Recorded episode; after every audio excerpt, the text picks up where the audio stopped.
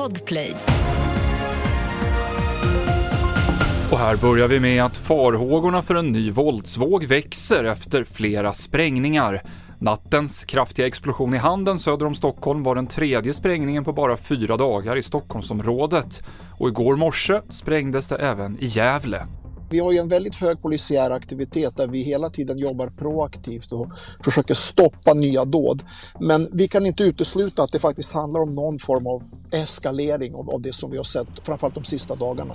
Vi ser också, det är inte bara förhöjd aktivitet som vi har sett nu på slutet här i Region Mitt, utan det händer saker både i Region Öst, i Region Väst, i Stockholm. Så det, det är flera regioner som är drabbade av det här. Jalle Poljarevius, underrättelsechef i polisregion Mitt.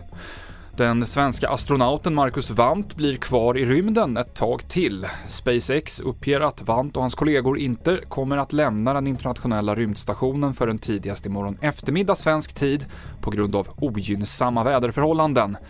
Marcus Wandt, som är den tredje svensken i rymden, skulle egentligen ha påbörjat resan till jorden natten mellan lördag och söndag.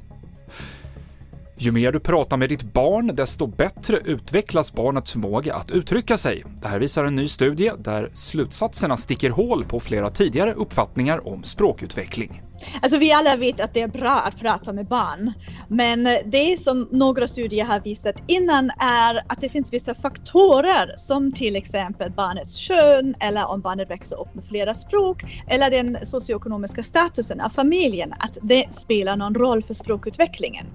Och det visar den här studien är inte fallet. Det är bara mängden prat kring barnet som spelar roll. Språkforskaren Iris Corinna Schwartz och förra året kom det in över 3000 ansökningar om personliga registreringsskyltar till Transportstyrelsen.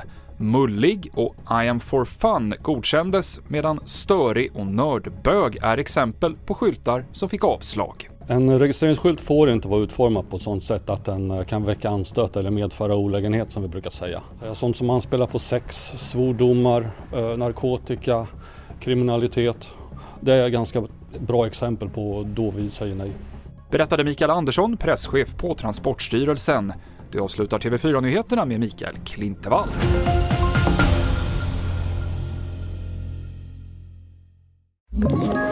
Ett poddtips från Podplay.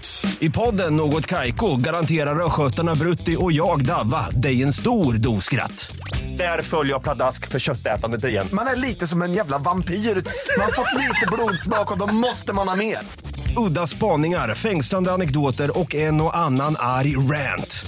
Jag måste ha mitt kaffe på morgonen för annars är jag ingen trevlig människa. Då är du ingen trevlig människa, punkt. Något kajko, hör du på podplay. Därför är gardinerna.